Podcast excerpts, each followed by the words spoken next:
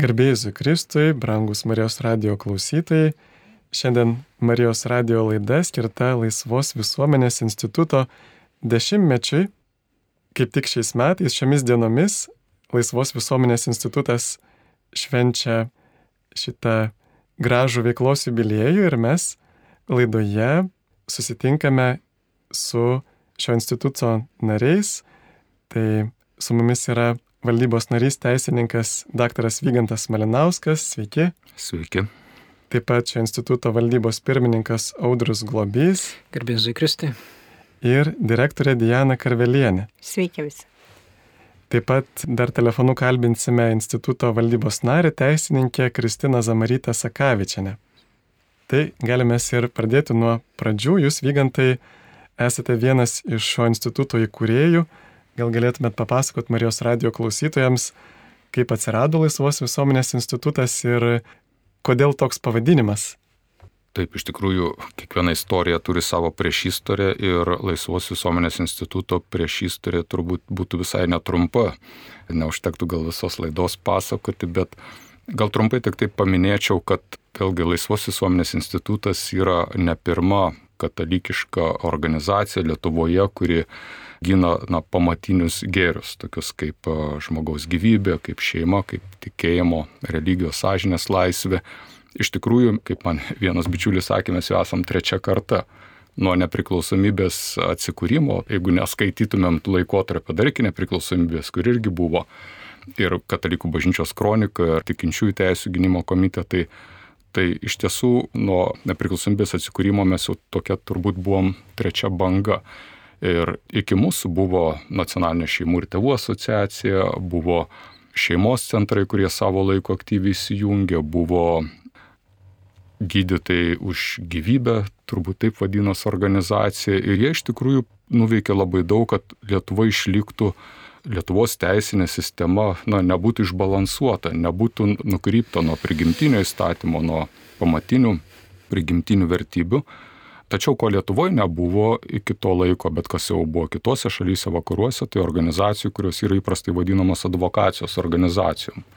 Tai yra organizacijos, kurios gina kokį nors na, bendrojo gėrio aspektą. Tai gali būti susijęs su gamtosauga, tai gali būti susijęs su vartotojų teisėm, gali būti susijęs su nuteistųjų teisėm arba kokiu nors nuskriaustųjų teisėm. Žinoma, taip pat yra tokių advokacijos organizacijų, kurios ir gina tam tikrų interesų grupių interesus. Ir yra nemažai advokacijos organizacijų, kurios gina na, tą pamatinės bendrojo gėrio vertybės. Mes Lietuvoje iki 2013 metų tokios organizacijos neturėjom. Kas atsitiko 2013 metais? 2013 metais Europai prasidėjo tam tikras toks judėjimas tarp skirtingose kraštuose veikiančių katalikiškų, krikščioniškų, vertybinių organizacijų. Ir to judėjimo tikslas buvo užmėgsti ryšius, koordinuoti ir gerinti veikimo kokybę. Ir buvo organizuota taip vadinama advokacijos akademija. Vienas jos sutikimas vyko, no, mokymai, projektas vyko Bruselėje, kitas Strasbūrė. E Aš patekau į tą antrą etapą į Strasbūrą ir ten dalyvau irgi buvo keletas mūsų iš Lietuvos. Ir po to renginio na, pamatė, kaip kalba, pristato apie veiklą, pasako apie veikimo būdus ir tai, kodėl tai yra labai svarbu, na, gam tokią dozę įkvėpimo. Ten dalyvavom kartu su Toma Bružaitė ir grįždami iš jau parskridę į Lietuvą, į Vilniaus oro uostą, mes, kadangi gyvenam Kaune, tai kartu važiuodami į Kauno traukiniu, vat, apsisprendėm tarp Vilniaus ir Kauno, kad reikia Lietuvoje kurti tokią pat krikščionišką advokacijos organizaciją, kuri, na taip, gintų, sakykime, veiksmingai ir kūrybingai tos vertybinius nuostatus arba padėtų politikams apginti poziciją, visuomeniai susiorientuoti, kas vyksta, galėtų teikti profesionalius pasiūlymus, komentarus ir panašiai. Jūs atrodo ir stebite visus tos priimamus teisės aktus ir stengiatės informuoti visuomenę, kurie gali kelti pavojų laisvai, taip. Tai čia yra pirmas etapas. Nesiorientuodamas, nematydamas, kas vyksta, aišku, tu negali tą adekvačiai reaguoti. Ir buvo klausimas berots apie pavadinimą. Tai mums įkvėpimas buvo vienas iš tos advokacijos akademijos organizatorių, buvo tokia nevyriausybinė organizacija European Dignity Watch. na, lietuviškai išverstus, tai turbūt Europos orumo stebėsena. Aišku, tas pavadinimas labai panašus yra į kitą žinomą organizaciją Human Rights Watch, kur yra žmogaus teisų stebėsena. Ir pirma mintis buvo, kad įkurti Lietuvoje, nu, tokią va irgi analogišką visiškai organizaciją. Bet problema yra ta, kad lietuvių kalboje, nu, orumo stebėsenos institutas kažkaip neskamba keistai, ar ne? Būtumėm tokie nesuprasti. Ir svarstėm, svarstėm ir tada pagalvom, du klausimai buvo. Vienas klausimas buvo iš tikrųjų, kad, kaip sako, kur trys ten jau gali būti organizacija, mes buvom dviese, ką trečią tokį įtraukti, tai nusprendėm, kad įtraukti tuo metu Lietuvoje dar vat, ką tik tai tokia jauna, kylančia žvaigždė visuomeniniam politikos gyvenime, dr. Vincentą Vobolevičių. Ir tada aš galvoju, turbūt dar netraukinį, nors ta mintis gal net ir kilo važiuojant traukiniu, kad kilo mintis iš tikrųjų, na, tikslas mūsų ginti galiausiai laisvę, gyventi pagal savo tikėjimo vertybinės moralinės nuostatas. Ir ta visuomenė, kurioje tu nu, negali gyventi neišsižadėdamas savo moralinių nuostatų, nėra laisva. Ir man atrodo, tokiu būdu ir mes priem, sakom, tebūnė tai laisvos visuomenės institutas, nes mes iš tikrųjų galiausiai esam ne tik už savo kažkokius interesus, bet už tai, kad Lietuva būtų iš tiesų laisva visuomenė. Na, nu, va taip ir gimė 2013 m. gegužės 15 d. Laisvos visuomenės institutas. Bet e, šių dienų eiliniam Lietuvos piliečiui turbūt vienintelis dalykas, kas atrodo gali kelti grėsmę laisvė, tai yra būtent Rusijos agresija. Ir kokie dar kiti dalykai, kurie gali tikrai kelti mums grėsmę mūsų laisvė, bet tokie netaip lengvai pastebimi ir kartais jie atrodo, kad yra kaip vilkas avies kailyje, tai persirengia į tokias gražias vertybės, kurios yra ginamos. Matytų grėsmių yra ir išorinių, ir vidinių grėsmių. Aišku, yra tos, kaip jūs minėjote, tos išorinės grėsmės, kurios yra labai ryškiai matomos, tai ta pati Rusijos grėsmė ar ne, su kuria mes susidedam, bet yra ir vidinės grėsmės. Man kažkaip labai stipriai yra palėtęs Šventojo Jono Pauliaus antrojo mintis, kad kas šiuo metu vyksta, ar ne, šiuo metu kokie procesai ir kokios pagrindinės tos vidinės grėsmės yra. Tai jos kyla iš relativizmo mąstymo būdo, ar ne, kad nėra objektyvios tiesos. Ir kai mes atskiriam laisvę nuo objektyvios tiesos, tada mes prarandam tam tikrą tokią atramos tašką. Tai vad, sakykime, ta pagrindinė grėsmė, iš kurios kyla, vidinė ta grėsmė yra tokia, tai laisvė be tiesos, be objektyvios tiesos, ar ne, kurios yra. Ir iš to atvygantas, kaip minėjau, tos pagrindinės grėsmės yra, tai grėsmė prarasti arba, sakykime, kad būtų sunaikinti pagrindiniai mūsų visuomenės bendrojo gėrio gėriai, vertybės, kaip šeima, ar ne, kaip sąžinės religijos ir žodžio laisvė, gyvybė nuo prasidėjimo iki natūralios mirties, vyro ir moters skirtingumas ir lygiavertiškumas kūrybiškumas. Tai va tie pagrindiniai gėriai, kuriuos sunaikinus faktiškai mūsų visuomenė ir praranda laisvę. Nes jeigu sunaikinsim gėrius, visuomenė taps nebelaisva. Iš vidaus, sakykime, tas laisvės sunaikinimas toks, gal toks trumpai, sakykime, būtų. Bet pagrindinis dalykas, man atrodo, vis dėlto yra va, tas relativizmas, apie kurį ir, ir Benediktas XVI perspėjo va, šiam laikmetį, ta relativizmo diktatūra, kuri įsigalė. Ne, jinai iš vidaus sunaikina ir pačią laisvę ir išmuša tam tikrą tokį pagrindą. Tai vadinasi, jūs kaip tik paminėjote tuos gėrius, prigimtinius gėrius, kurie yra ir įvardinti Šilvos deklaracijoje, kurią pasirašė Lietuvos viskupai ir tikintieji. Tai pradiškai jūs ginat būtent tas vertybės, kurias kelbė Šilvos deklaracija, taip suprantu. Jos yra pamatinės vertybės. Čia Vygantas galėtų galbūt plačiau pakalbėti apie bendrąjį gėrį, nes bendrasis gėris nėra tik tai gėrių tam tikra tokia visuma, ar ne? Yra, čia pat labai patiko, buvom visiškai nesenai Londone konferencija ir man kažkaip labai stipriai nuskambėjo tokia mintis, kad jeigu yra sunaikinamos gėrio vertybės, yra sunaikinamas ir pats gėris. Nes mes prarandame tas vertybės, dėl ko mes gėrį suprantame kaip po tam tikrą gėrį. Tai vad, sakykime, jeigu mes sunaikinam šeimos sampratoje lyčių papildomumą, ar ne, kad šeima kyla iš vyro ir moters santokos, iš giminystės ir kraujo ryšių ir įvedam visiškai kažkokias naujas formas, tai yra sunaikinam tas vertybės, ant kurių šeimos pati samprata yra pastatyta, mes sunaikinam ir patį gėrį. Tada nebeaišku, kas yra šeima. Aš gal dar tik tai tokią mintį atsakant į tą klausimą. Iš tiesų Audris paminėjo, kad laisvė gali egzistuoti tik tai, jeigu egzistuoja tiesa. Ir klausytom, ir šiaip gal pas mus visuomeniai nėra tas iki galo aiškus ir akivaizdus ryšys. Nu, vat koks yra skirtumas, kokiamis tiesomis kas vadovaujasi, netgi daugelis žmonių galvoja, kad iš viso kiekvienas žmogus turi savo tiesą, svarbiausia, kad mes būtumėm laisvi.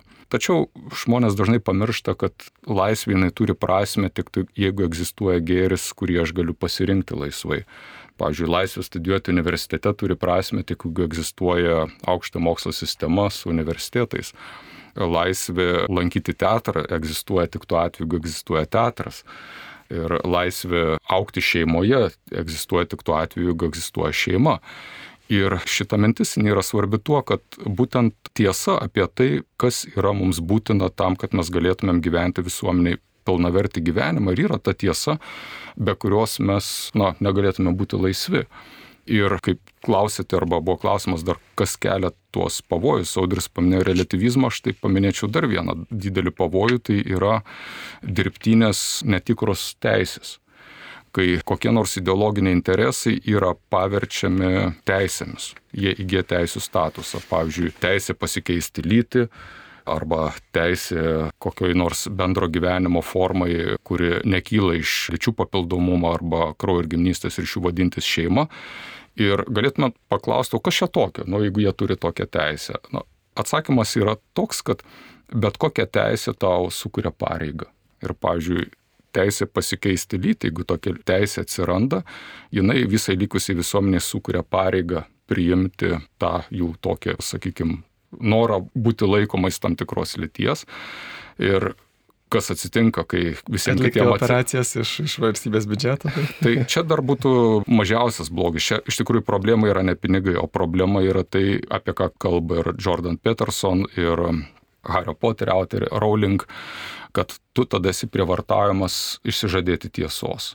Tu esi verčiamas elgtis taip, tarsi kažkas būtų kažkas kito. Ir tau netgi, jeigu tu pasakai, kad palaukit, bet tiesa yra kitokia, kaip Hario Poterio autorin pasakė, tai pradedama tada grasinti, kad, sako, lytis nėra pasirinkimo dalykas. Tai čia panašiai kaip jeigu matai, kad karalius nuogas, tai turi tylėti ir nepasakyti, kad jisai nuogas. Jo, jeigu pasakysi, kad karalius nuogas, tavo bus taikomas sankcijos. Tai čia ir yra esmė pati na, mūsų Laisvos visuomenės instituto kovos už laisvę. Mes kovojam iš esmės už du dalykus. Kovojam už tai, kad galėtumėm vadovautis tiesa ir kovojam taip pat, kad e, nebūtų visuomeniai tvirtintos tokios tvarkos, kurios padaro neįmanomų tų gėrių išsaugojimą ir puoselėjimą. Ir kitas labai svarbus aspektas yra tai, kad e, faktiškai va, tos visos, kur Vygantas minėjo, išvestinės teisės, kurios atsiranda be kita, ko čia irgi yra susijęs su relativizmu, nes va, būtent... Čia ne išvestinės teisės, čia dirbtinai dirb, sugalvotos. Dirb, jo, dirbtinai sugalvotos teisės dėl to, kad būtent kai nėra tiesos, nėra to tvirto pagrindo, ar ne, nėra to prigimtinio pagrindo ir tada bet kuri intereso grupė, turėdama galios svertus, dar va čia nuo Nyčios, turėk galę, turėk valdžią, turėk valią tam tikrą ir tu tada galėsi visuomenį. Bet kas atsiranda? Mūsų mūsų prigimtis atpažįsta, kad tai nėra tiesa ir visuomenės dalis nori tam priešintis, bet ją suvaldyti, faktiškai tu gali tik tai naudodamas tam tikras totalitarizmo priemonės, ar ne? Nu, va čia ir prasideda tada visi įrankiai, kaip suvaldyti tą visuomenę, kuri nepriima tos dirbtinos tiesos, kuri išeina ne iš mūsų prigimties, ne iš objektyvios tiesos. Tai va čia toks užsisuka tada toks ratas ir va čia būtent dėl to neatsitiktinai mūsų institutas, nors mūsų oponentai labai dažnai, nors dabar sakyčiau mažiau, pradiniam galbūt etape, mes nuolat susilaukdom, koks jūs laisvos visuomenės visuomenės institutas, jeigu jūs siūlo drausti, pavyzdžiui, drausti abortus ar ne, nu, vat, kad abortai nebūtų įteisinti Lietuvoje, taip pat pasisakot už prigimtinę šeimą ar ne ir neleidžiat kitom formom šeimos atsirasti. Tai tarsi mes siūlytumėm visuomenėje ir įstatymuose įtvirtinti tam tikrus ribojimus, ar ne? Bet čia vad būtent yra susijęs su laisvė, pasirinkimo laisvė. Ačiū ir Diana, jūs prie Laisvos visuomenės instituto prisijungėt prieš nepilnus penkerius metus, kas jūs paskatino prisijungti prie jo veiklos ir turbūt jau patyrė daug įvairių išbandymų, visokių kaltinimų diskriminacijomis, Rusijos propaganda ir panašiai. Kas paskatino prisijungti labai geras klausimas. Aš tai prisimenu 19 metai, beros buvo 2019 ir Vincento profesoriaus Vabulevičius skambutis, nes institutas ieškojo direktorės, nes viena direktorė buvo mamytės atostogų, vaikelio gimimas. Matot, institutas tikrai už šeimą yra visom prasmėm ir skiria daug dėmesio tai. Ir buvo netikėta, aišku, nes institutas pirmiausia labai solidus, man atrodė, ne? Toksai kur yra profesoriai, dėstytojai, verslo žmonės atstovai ir aš šalia atrodo iš pašalies, niekuo galėčiau būti naudinga ir praturtinti, ar nesugadinsiu kažko, tai tie klausimai kilo eigoje, aišku, didžiuojuosi komanda, kuri priimi. O kodėl pasirinkau ir kodėl prisijungiau prie komandos, dėl jų darbų.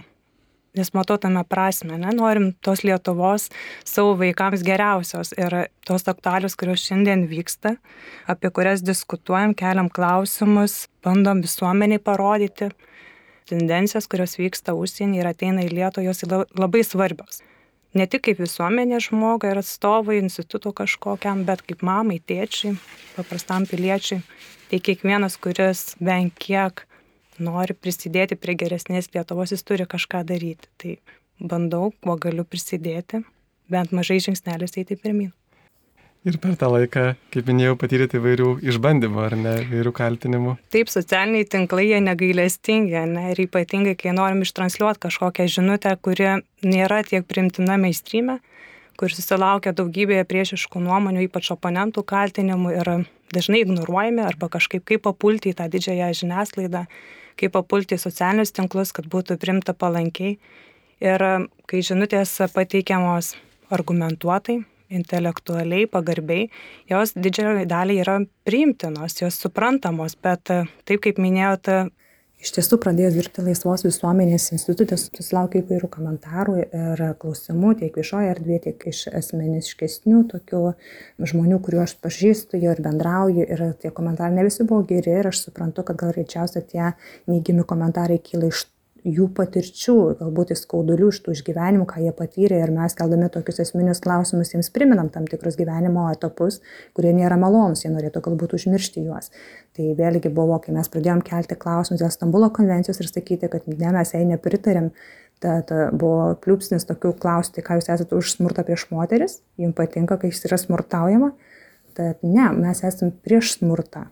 Ir prieš moteris, ir prieš senelius, ir prieš vyrus, vaikus ar gyvūnus, prieš bet kokį smurtą. Lygiai taip pačiai buvo, kai pasisakymai prieš partnerystės įstatymą, prieš civilinės sąjungos įstatymą, buvo pliūpsnis vėlgi klausimų, tai jūs esate homofobai gal? Jūs e, nesuprantate, kad būna ir kitokių žmonių ir tai yra visuomenės dalis. Tai mes iš tiesų suprantam, kad tai yra mūsų visuomenės dalis, kad būna kitokių žmonių pasirinkimų, bet todėl mes ir palaikėm artimo ryšio projektą, matydami, kad e, šis projektas yra artimesnis tiesai ir tai, kad bendro gėrio saugomi ir puoselėjami ir mes suprantame, kad prigimtinė šeima yra didžiulė vertybė. Lygiai taip pačiai gavau pliūpsnį tikrai komentarų ir jau tokių aštresnių komentarų, kai buvo organizuota žakučių deginimo akcija prieš abortus pasisakant.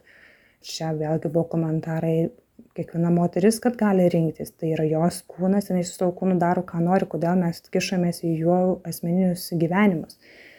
Tokie pasisakymai, jie yra suprantami, bet lygiai greičiai žmonės turėtų suprasti, kad įvairios situacijos yra skirtingos. Ir kartais ta moteris galbūt galėtų priimti ir kitą sprendimą, bet tai jinai neturi šalimai žmogaus, kuris ją palaikytų, išklausytų, padrasintų, nuramintų, nes galbūt situacija yra tokia sudėtinga ir nemato išeičių. Ir matydama galbūt arba nurimus, jinai priimtų visai kitokius sprendimus, kuris būtų palankesnis žmogaus gyvybei. Tai tie visi esminiai klausimai, kurie keliami Laisvos visuomenės institutų iš tiesų yra labai svarbus ir prasmingi. Ir aš džiaugiuosi, kad yra tokia kompetitinga LVI komanda, kurie geba argumentuotai, ramiai, intelektualiai diskutuoti, išklausyti oponentus pagarbiai, nenaudoti jokių emocinių pasisakymų, kad juos įžeistų, o tiesiog labai taktiškai, gražiai dalyvauti diskusijose. Ne? Ir aš dėkoju savo seneliams ir tėvams už tą vertybinį auklėjimą. Ir man labai svarbus šitos temos, kuris gildena Laisvos visuomenės institutas. Dėl to matau didžiulę prasme būti su šiuo institutu ir puoselėti tas temas, kurias vysto Laisvos visuomenės institutas. Gerbiami Marijos radio klausytojai, jūs girdite laidą aktualijos. Prie mikrofono aš kuningas Sigitas Jurkstas ir šiandieną mūsų laidoje svečiuojasi valdybos pirmininkas Audrus Globys, šio instituto direktorė Diana Karvelienė, valdybos narys ir teisininkas daktaras Vygantas Malinauskas ir taip pat nuotoliniu būdu instituto valdybos narė teisininkė Kristina Zamarytė Sakavičinė. Tai gerbama Kristina, kaip tik ir norėčiau jūsų paklausti, esate ne vienam klausytojui žinoma kaip e, puikių straipsnių autorė ir e, jūs esate teisininkė, šešių vaikų mama, didelė graži šeima reikalauja jūsų dėmesio atsidavimo, kaip pavyksta suderinti ir šeimininį gyvenimą, ir visuomeninę veiklą. Labai džiaugiuosi, kad Laisvos visuomenės institutas sulaukė tokio gražaus dešimties metų jubiliejaus ir kad aš galiu, na, kaip šio instituto tarybos narė, kalbėti apie jo veiklą. Taip, Aš dabar esu šešių vaikų mama, bet kai pradėjau dirbti Laisvos visuomenės institute, turėjau trečią kūdikį, ką tik buvau jo susilaukusi. Ir jis, ir taip pat trys paskui kiti atsiradę nauji lėliukai augo jau su tokia pilietiškai aktyvia mama. Na ir nekarta dalyvavo Laisvos visuomenės instituto posėdžiuose ar kitokiuose rimtuose politiniuose renginiuose.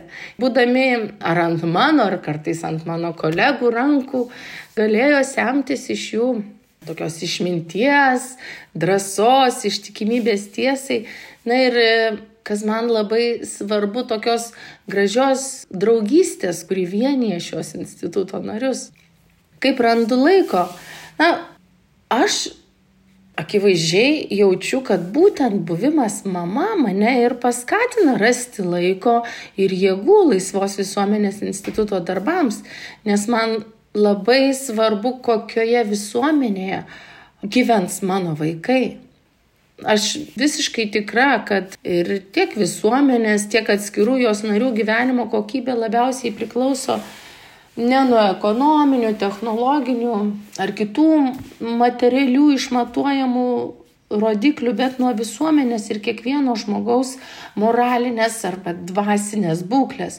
Ir dabartiniu metu skaudžiausia problema tiek Lietuvoje, tiek apskritai daugelie pasaulio valstybių yra tai, kad mūsų visuomenės praranda moralinius orientyrus, kas yra gera, kas bloga, ko mes kaip atskiri žmonės ar kaip valstybė bendrai turime siekti ir ko vengti.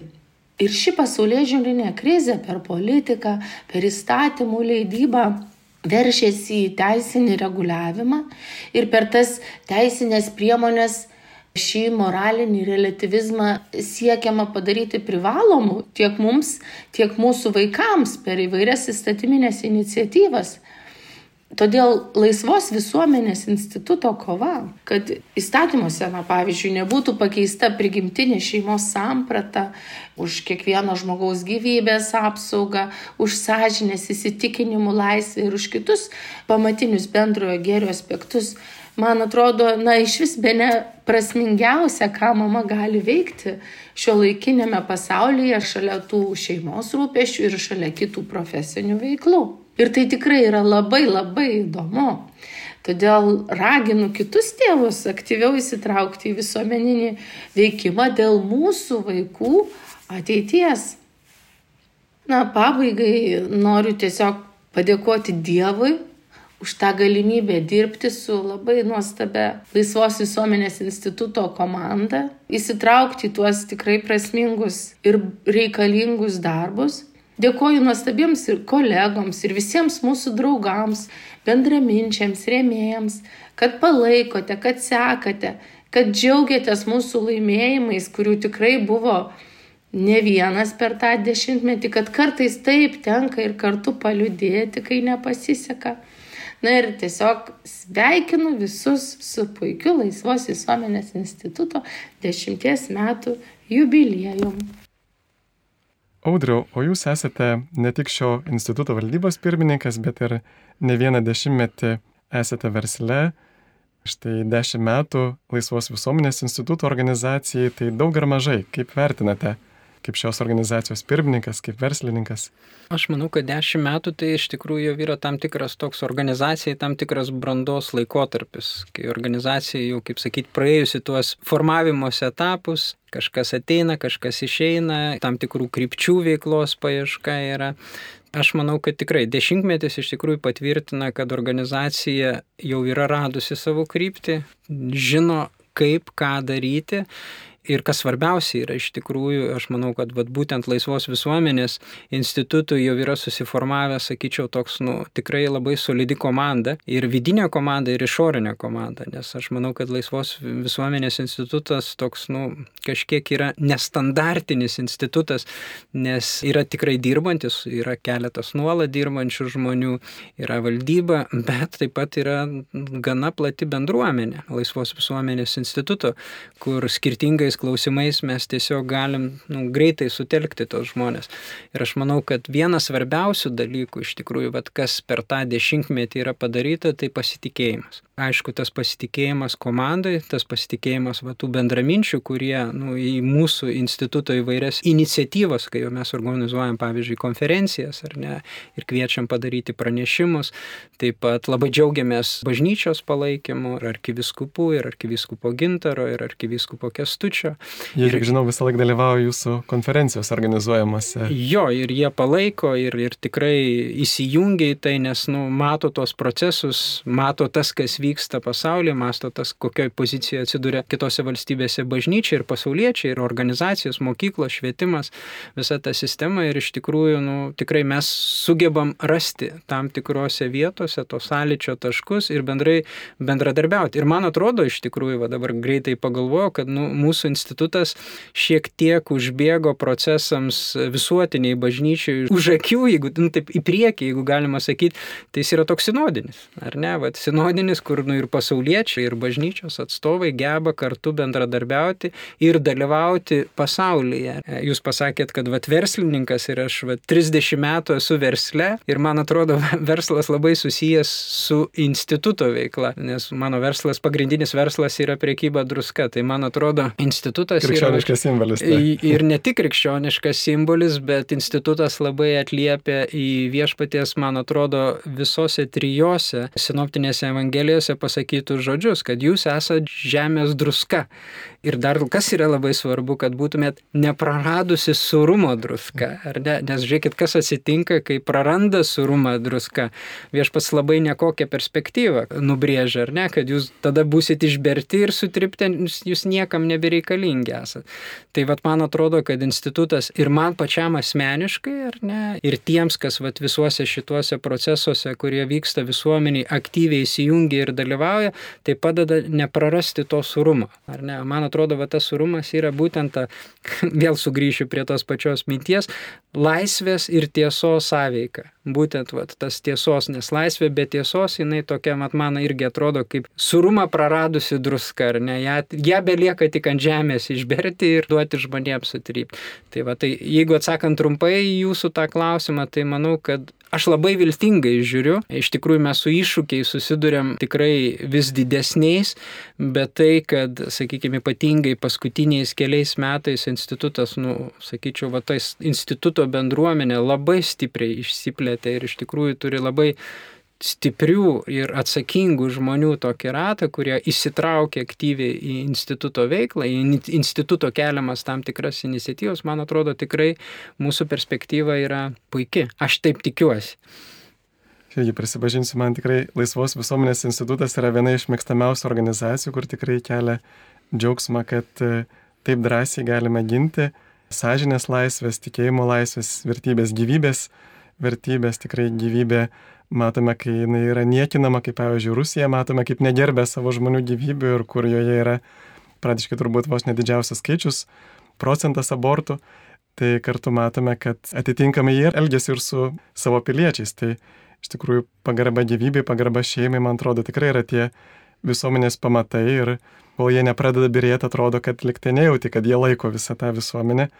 Bet gal jūs dar galėtumėt papasakoti apie tuos per dešimt metų nuveiktus darbus, Čia turbūt visi galėtų papasakoti, tai Iš tikrųjų, institutas Vatvykantas paminėjo, kad mes esam advokacijos organizacija, bet aš manyčiau, kad e, kalbant, kad tik advokacijos galbūt būtų toks nu, ir per siauras apibrėžimas, nes iš tikrųjų instituto veikla yra per tos dešimt metų, aišku, jinai vystėsi įvairiais etapais, gana plačia, aš galbūt tik kelias tokias pagrindinės kryptis paminėsiu. Tai viena pagrindinių krypčių yra instituto iš tikrųjų visuomenės informavimas, ar ne, vad ką jūs minėjot, bet ne tik apie tuos procesus, kurie vyksta Seime, ne įstatymų prieimimai, ministrų įsakymai, bet bendrai, ta prasme, Ir tuos pasaulyje turbūt, nes mums turbūt reikia, va, panašiai kaip jau čia neseniai šventėm ir kronikos bažnyčios jubiliejus, nes turbūt mums reikia tokios kronikos dabar atvirkščiai, kas vyksta kitose pasaulio šalise, kur yra pažengusios tam tikros, na, naujos marksistinės ideologijos formos, taip, ir kur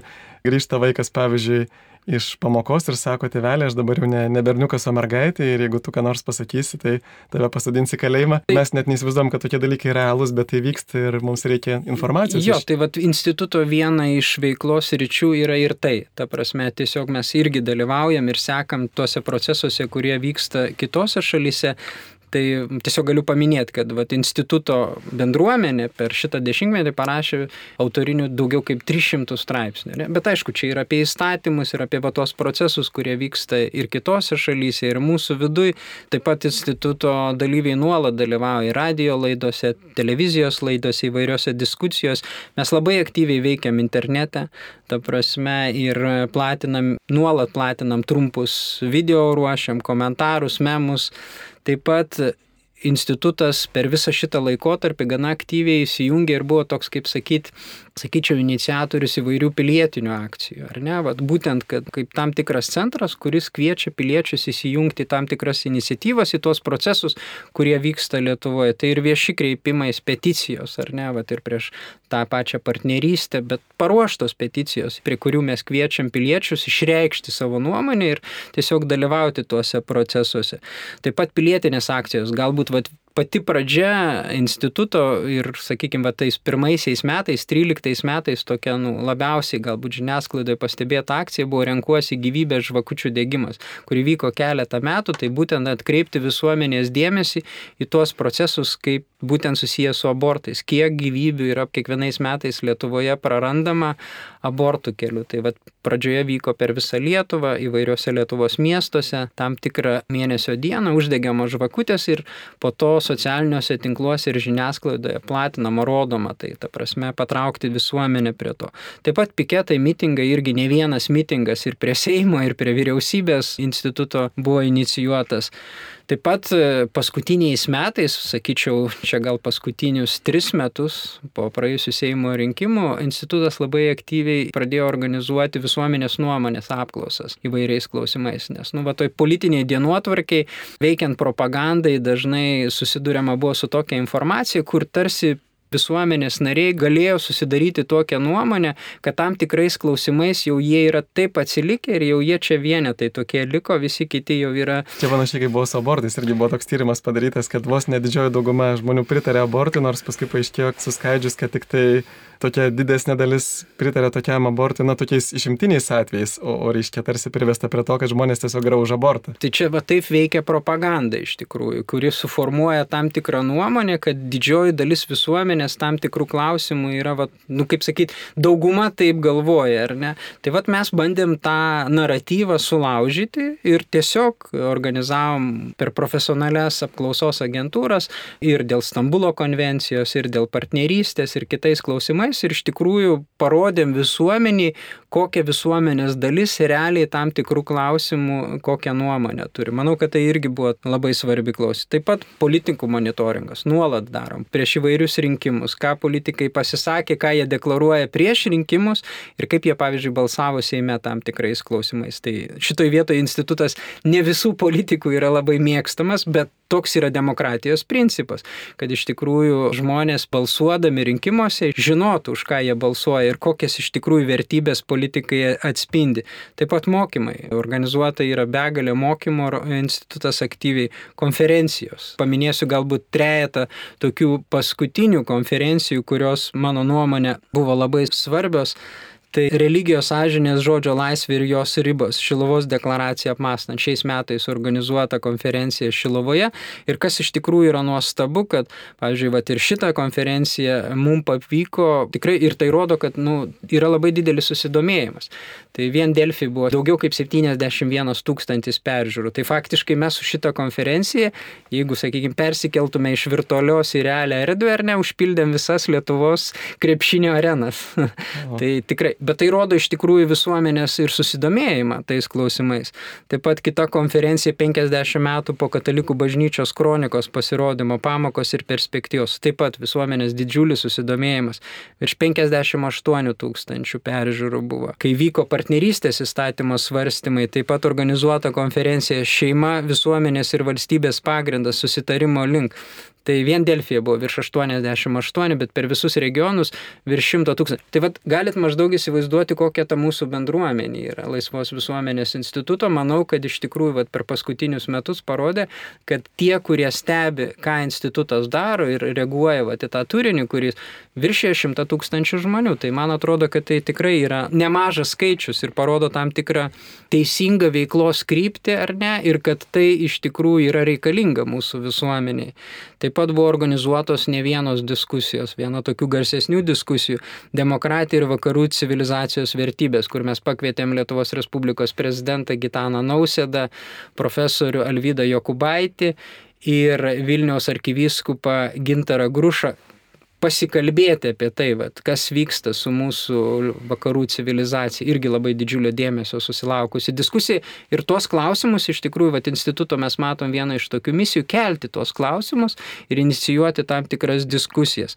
Vygantas čia minėjo kaip advokacija, tai per dešimt metų mes bandėm skaičiuoti, bet iki taip tiksliai nepavyko, tai pateikėm daugiau kaip šimtą įstatymo tobulinimo pasiūlymų. Tai mūsų teisininkai per visą dešimtmetį įsijungė į tos procesus, teisinius procesus, kurie vyko. Gal žinot, ar jie buvo priimti kokia dalis? Įvairiai buvo ir tikrai ir dabartiniai įstatymai, kurie yra Seime sakykime, ir tos pačios civilinės sąjungos alternatyva, artimo ryšio, civilinio kodekso pakeitimą. Mes dalyvavom tuose procesuose, teikėm savo siūlymus, teikėm savo argumentus, taip pat bendro gyvenimo susitarimo projektus, irgi teikėm savo siūlymus Seimo nariams, kuriems tie dalykai yra svarbus, jie kreipėsi į institutą ir mes, mūsų teisininkai, pateikė savo pasiūlymus. Taip pat nauja kryptis, kuri atsidarė dar tik tai prieš du metus, tai institutas jau įsijungia į teisminius procesus. Va čia irgi tokia, sakykime, nauja kryptis, bet šiuo metu ne mes esame, sakykime, skundžiami teismams, bet mes skundžiam teismus, nes dėja susidūrėm su tuo, kad pradėjom būti diskriminuojami kaip institutas. Iš tikrųjų, esame diskriminuojami dėl to, kad esame kaltinami diskriminacija. Kadangi pasisakome prieš partnerystę, argumentuodami pasisakome prieš Stambulo konvenciją, tai tam tikros valdžios institucijos tai priima kaip diskriminacija. Ir mes buvom pašalinti iš finansavimo gavimo ir kreipėmės į teismą. Vieną bylą jau laimėjome, antra byla šiuo metu yra procesas. Tai va tokia bendra kryptis iš tikrųjų, va, kaip minėjau, tikrai labai plati veikla. Taip, tai ačiū, mūsų laikas eina į pabaigą, gal dar norėtumėt pabaigai ką nors pridurti klausytojams. Aš gal tik tai dar trumpai prie to, ką Audris pasakė, nu, mes esam institutas, nesam tik tai veikimo akcijos organizacija, bet taip pat esam ir analitinė organizacija ir, kaip dažnai mėgstu sakyti, gera praktika prasideda nuo geros teorijos. Tas yra labai svarbu, kai formuluoja argumentus ar Seimo nariams, arba visuomeniai pirmiausiai turėti na, tą gerą analitinį teorinį pagrindą. Tai čia dar pridėčiau, kad iš tikrųjų mūsų institutas irgi yra nemažai nuveikęs šitoj srity ir tebe veikia. Ir pastaruoju metu taip pat gal, na, ne pastaruoju metu, čia irgi vienas iš mūsų tokių nuolatinių irgi klausimų, kuriais mes dirbame, tai bendrai, na, sakykime, šio laikinė vat, visuomenė socialinė politinė teorija arba laisvos visuomenės politinė teorija. Ačiū. Mes laidą jau turime ir baigti. Šiandieną su jumis buvo Laisvos visuomenės instituto atstovai, instituto direktorė Diana Karvelienė, valdybos narys teisininkas dr. Vygantas Malinauskas, valdybos pirmininkas Audrus Globys. Telefonu kalbėjome su instituto valdybos narė teisininkė Kristina Zamarytė Sakavičiane ir laidą vedžio aš kunigas Sigitas Jurkštas. Ir dar tiesą pabaigai pasakykite, kaip žmonės galėtų daugiau rasti informacijos apie jūsų instituto veiklą, kaip galėtų jūs paremti. Taip, tai visa informacija yra internetinė svetainė www.laisvavisuomenė.lt. Ten tikrai dedame pačius svarbiausius mūsų manimos straipsnius, daugiausia autoriniai arba rašyti komentarai, taip pat Facebook'o platformų, YouTube yra įkelti tikrai visų konferencijų video įrašai ir sekti mūsų naujieną. Straipsniai pasirodo dažnai ir didžiuosiuose portaluose bei regionuose. Mes džiaugiamės, kad pagaliau ir regionai mielai prisijungia ir, ir platina mūsų informaciją. Taip, laisvavisuomenė.lt. Ir ten taip pat galite užsisakyti mūsų naujienlaiškį arba galite pradėti sekti mūsų Facebook'e ir na, tikrai informacijos ilgai nereiks laukti. Facebook'e kiekvieną dieną ką nors naujo rasti paskaityti. Ir prisijungti prie mūsų bendruomenės, skirdami paramą mums. Taip, iš tikrųjų, raginčiau tikrai remti įvairias organizacijas ir ypatingai šią organizaciją, nes tie dalykai dar kartais atrodo tolimi, bet jeigu čia mes nestovėsime, tai labai greitai jie gali ateiti ir į mūsų šeimas ir, ir tapti šeimų tragedijomis. Tie tokie šiuolaikiniai būdai suvaržyti žmogaus sąžinės laisvę, tikėjimo laisvę. Tai tikrai būkime drąsus ir paremkime tuos, kurie kovoja už tai. Ir Dievas jūs te laimina ir sudė. Ačiū, sudė.